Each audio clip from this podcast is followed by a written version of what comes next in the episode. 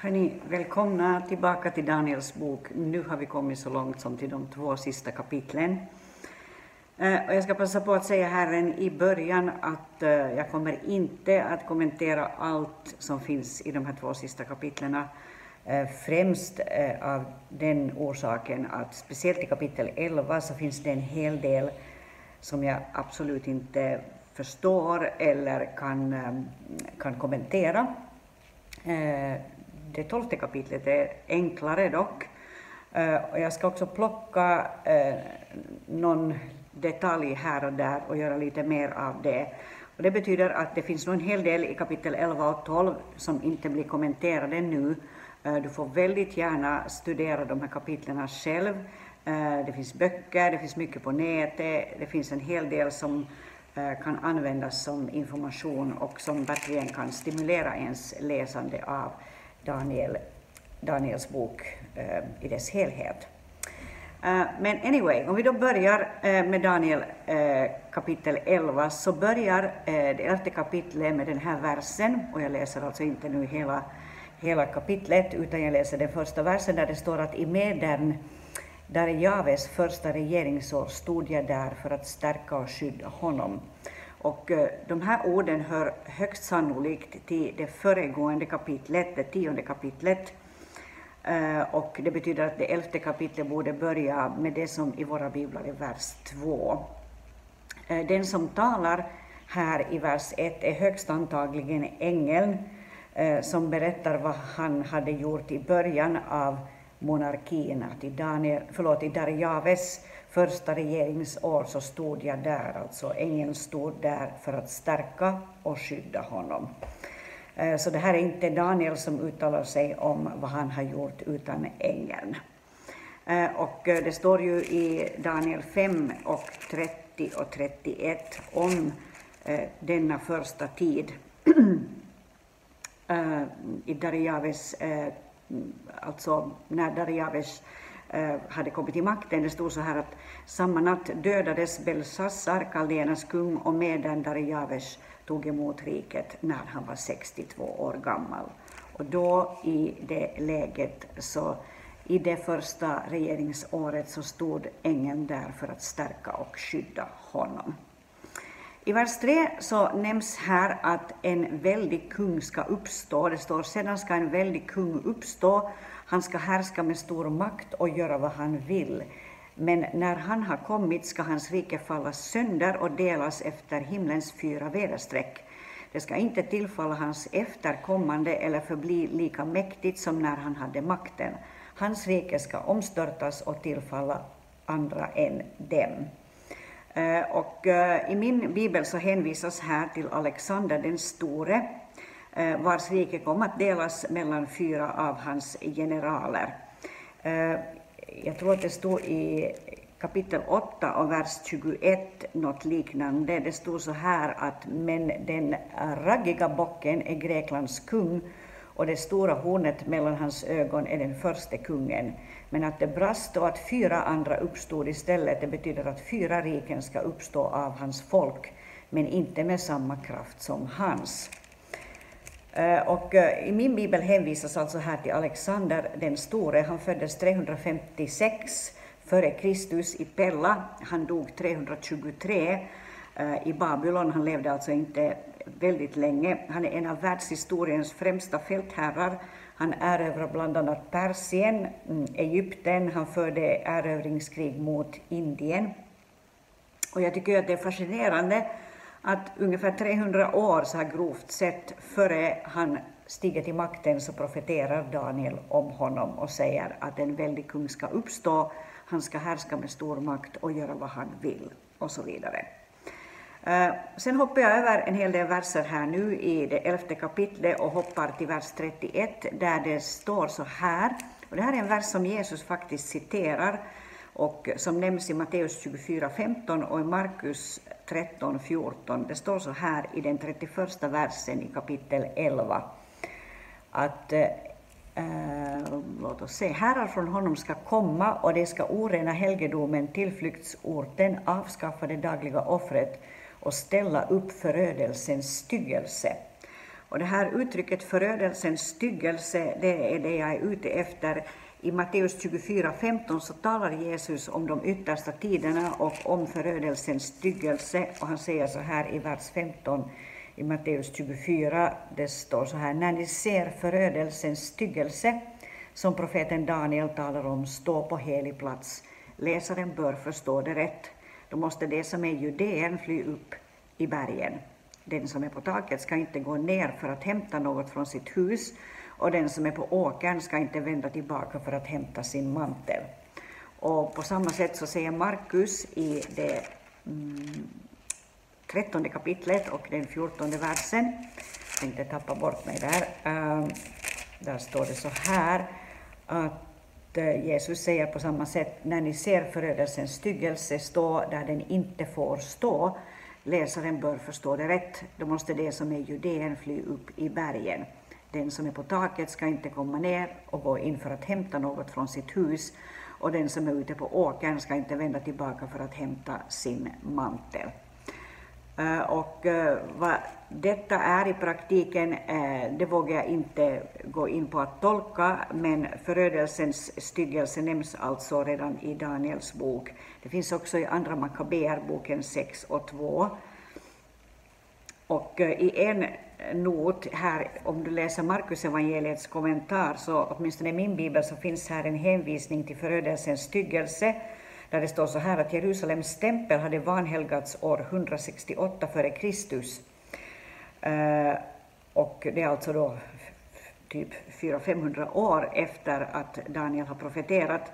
Eh, när Antiochus eh, den fjärde Epifanes ersatte Guds altare med ett hedniskt Zeus-altare, ett hedniskt övergrepp som står som symbol för en kommande katastrof.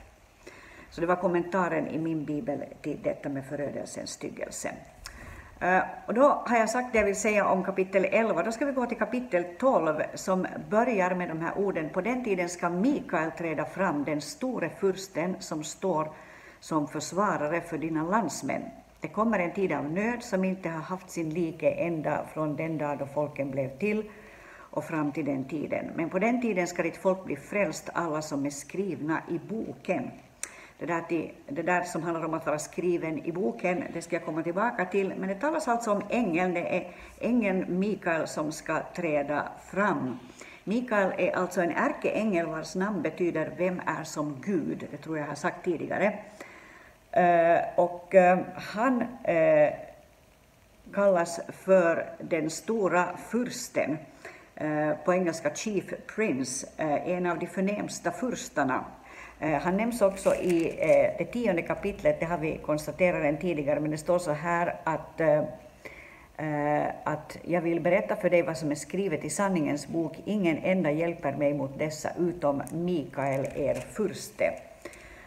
Och han är alltså en, en, en änglafurste, en av de ledande änglarna, tydligen. I första Korinthierbrevet 15 så säger Paulus någonting som vi kanske kan ha lite nytta av i det här sammanhanget. Jag tänker på vers 39 och 40 i Första Korinthierbrevet 15. Där eh, står det så här nämligen om änglar eh, och olika kroppar. Alla kroppar är inte av samma slag. Det är skillnad mellan människors, boskapsdjurs, fåglars och fiskars kroppar. Det finns både himmelska kroppar och jordiska kroppar, men de himmelska kropparnas glans är av ett slag och de jordiska kropparnas glans av ett annat slag. Och så fortsätter han att beskriva solen och månen och så vidare. Eh, men här alltså så, så säger Paulus något om att det finns himmelska kroppar med en himmelsk glans. Och Mikael är den stora fursten som står som försvarare för Guds landsmän enligt Daniel 12. Eh, det här med att änglarna verkligen har en funktion eh, här och nu också i våra dagar, men, men genom kristenhetens, eh, genom Guds folks alla tider.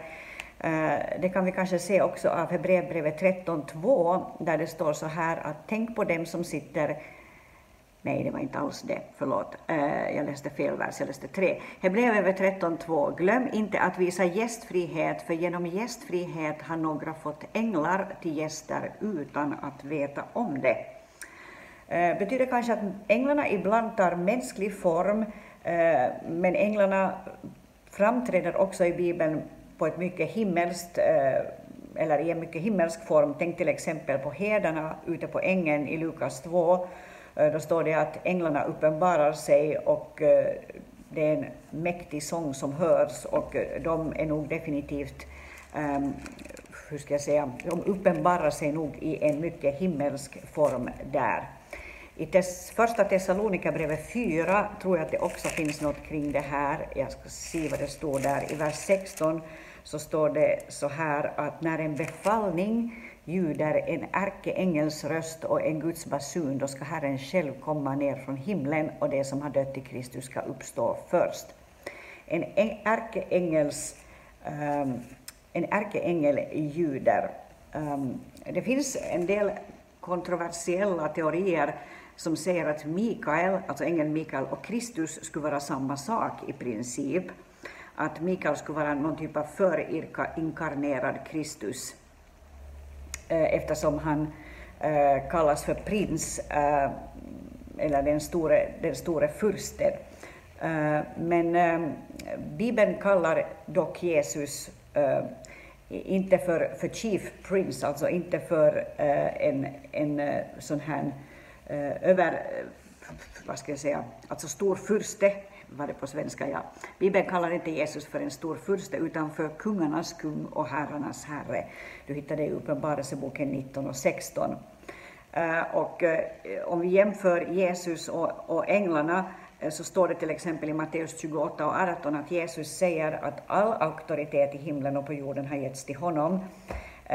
Men det är nog inte ärkeängeln Mikaels uppfattning om sig själv, att han skulle ha all auktoritet i himlen och på jorden. Det står nämligen i Judas brev i det första kapitlet, eller det finns bara ett kapitel där, men i vers 9 att eh, när ärkeängeln Mikael tvistade med djävulen om Moses kropp vågade han inte uttala någon hånfull dom över honom och sade, eller utan sade må Herren straffa dig. Så det är nog helt uppenbart att Mikael uppfattar sig som underordnad konungarnas konung och herrarnas herre. Han är inte jämförbar med Jesus själv.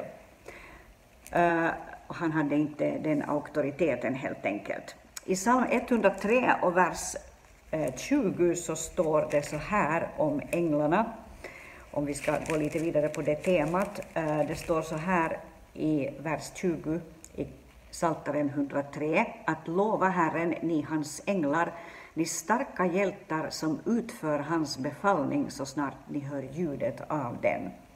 Så änglarna utför Guds befallning, änglarna utför inte, äh, äh, änglarna är inte på samma nivå som Jesus med andra ord, utan de utför Guds befallning äh, och de går på Guds vägar. Vi har ju många berättelser i Bibeln om det här egentligen, och nu har jag fastnat mycket i det här med änglar, men det står till exempel i, i Andra Konungabokens sjätte kapitel och sextonde vers något om det här. Jag tänkte jag skulle läsa det för dig.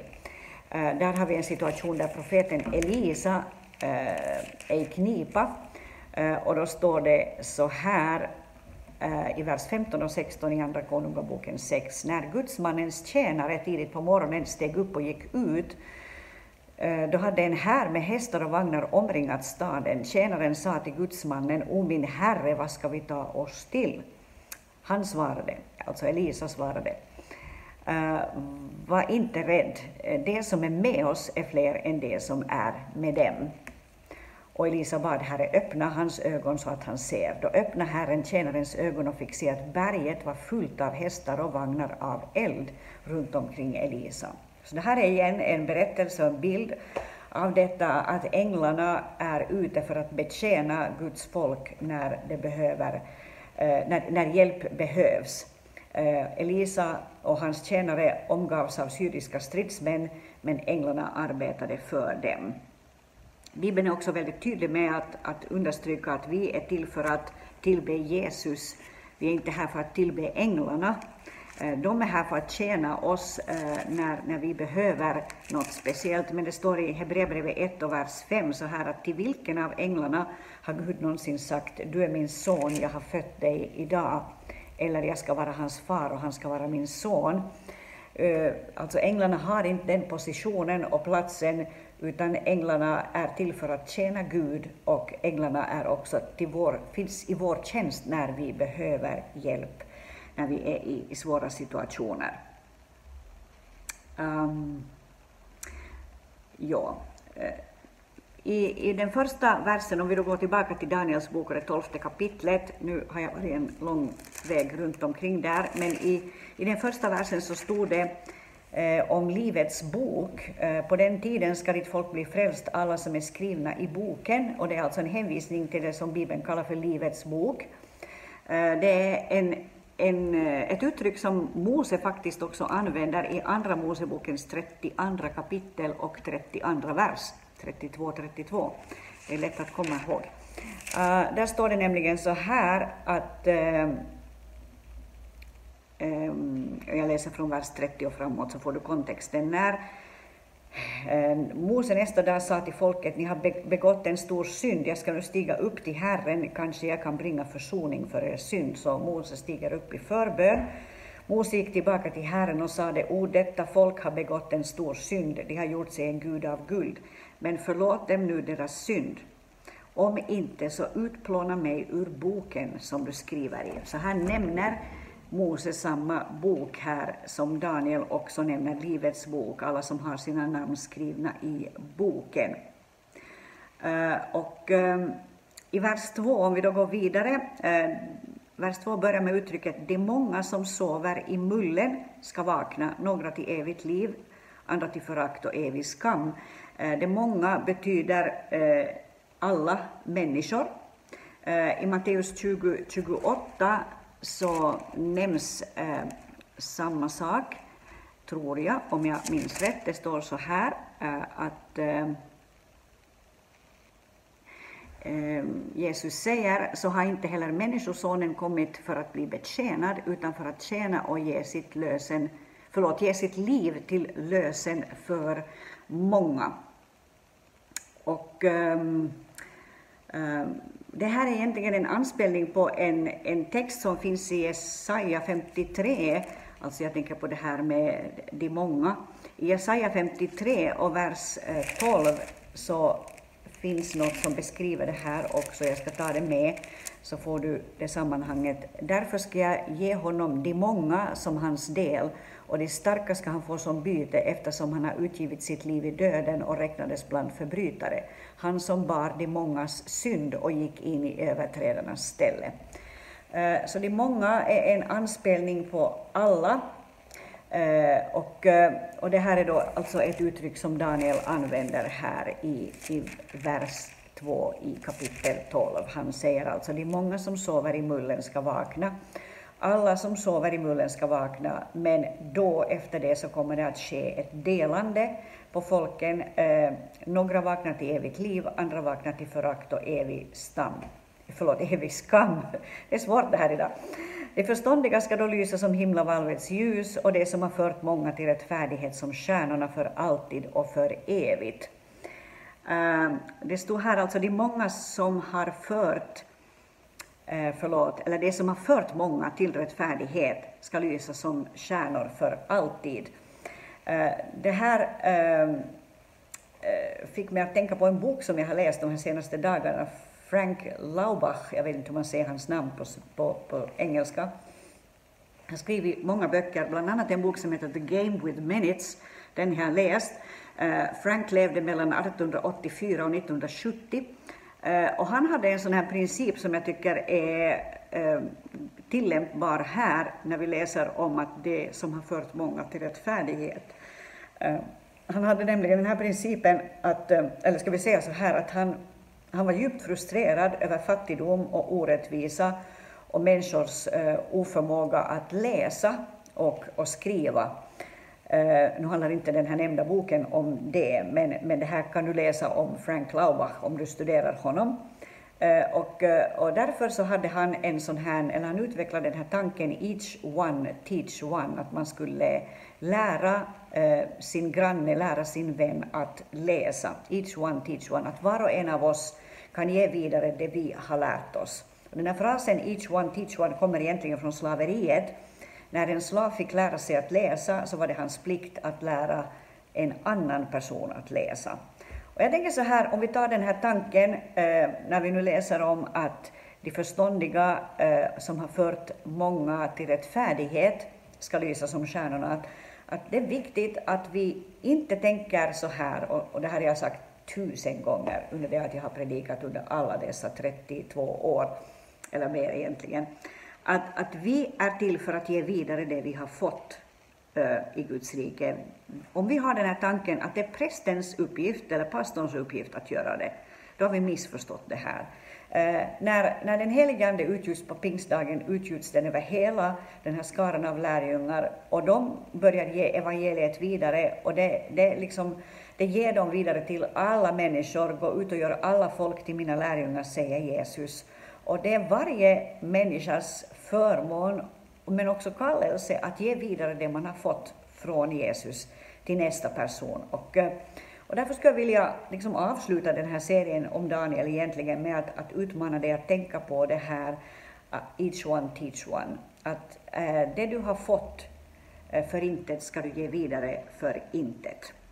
Uh, och på det sättet få bli till välsignelse för människor i din stad. Tänk om alla troende i Vasa skulle verkligen jobba på att de inte skulle tänka att min pastor ska göra det, eller våra pastorer ska göra det, utan vi kan ge det vi har fått. Uh, each one teach one. Det finns en slutkläm här i vers 10 som jag skulle vilja sen ta med här, eftersom det redan har gått 21 minuter och vi ska börja avsluta. Det står så här i vers 10 att uh, många ska bli renade och tvättade och luttrade men de ogudaktiga ska utöva sin ogudaktighet. Ingen ogudaktig ska förstå detta, men de förståndiga ska förstå det. Eh, och, och, här är då en beskrivning på sluttiden. Många ska bli renade och tvättade och luttrade, eh, men de ogudaktiga ska utöva sin ogudaktighet. Det sker ett skiljande mellan får och getter. Det, det sker ett skiljande eh, på vår jord. Och nu lever vi i en viktig tid. Nu är det dags för oss som troende att verkligen vässa svärden så att vi kan användas i den här tiden och vara till välsignelse i den här tiden. Och jag vill tala ut rakt in i människors liv, eh, speciellt troende som kanske har tappat bort sig under coronan eller tappat bort tron eller tappat bort sitt församlingsengagemang. Att kom tillbaka, låt, eh, låt din tro få liv igen, eh, låt svärdet i ditt liv få vässas på nytt så att du har det du behöver när det blir ännu tuffare tider. För jag tror jag vågar säga utan att alls, eh, hur ska jag säga, vara överdrivande i mitt sätt att uttrycka mig att jag tror att vi går in i mycket svåra tider och då klarar man inte sig på någon slags sån här allmän religiositet som man fick när man var barn. Då behöver man en levande tro som verkligen får sin input från Jesus varje dag. Eh, jag glömde här när jag talade om den här Frank Laubach att visa den här boken. Den ser ut så här. Eh, den här boken som jag eh, fick alldeles nyligen heter The Game with Minutes och handlar om att lära sig att be Eh, eh, hela tiden, nonstop egentligen. Det är en fantastisk bok. Den har ingenting att göra med Daniels bok egentligen, men eh, eftersom jag nämnde honom här just. Då vill jag önska dig en jättefin dag och säga ett tack till er som har följt med i serien om Daniel. Eh, jag hoppas att du har blivit välsignad. Skicka gärna respons. Eh, man får också skicka kritik om man tycker att det var någonting som man inte förstod eller någonting som verkar märkligt. Min e-postadress är Eh, gmail.com Var välsignad.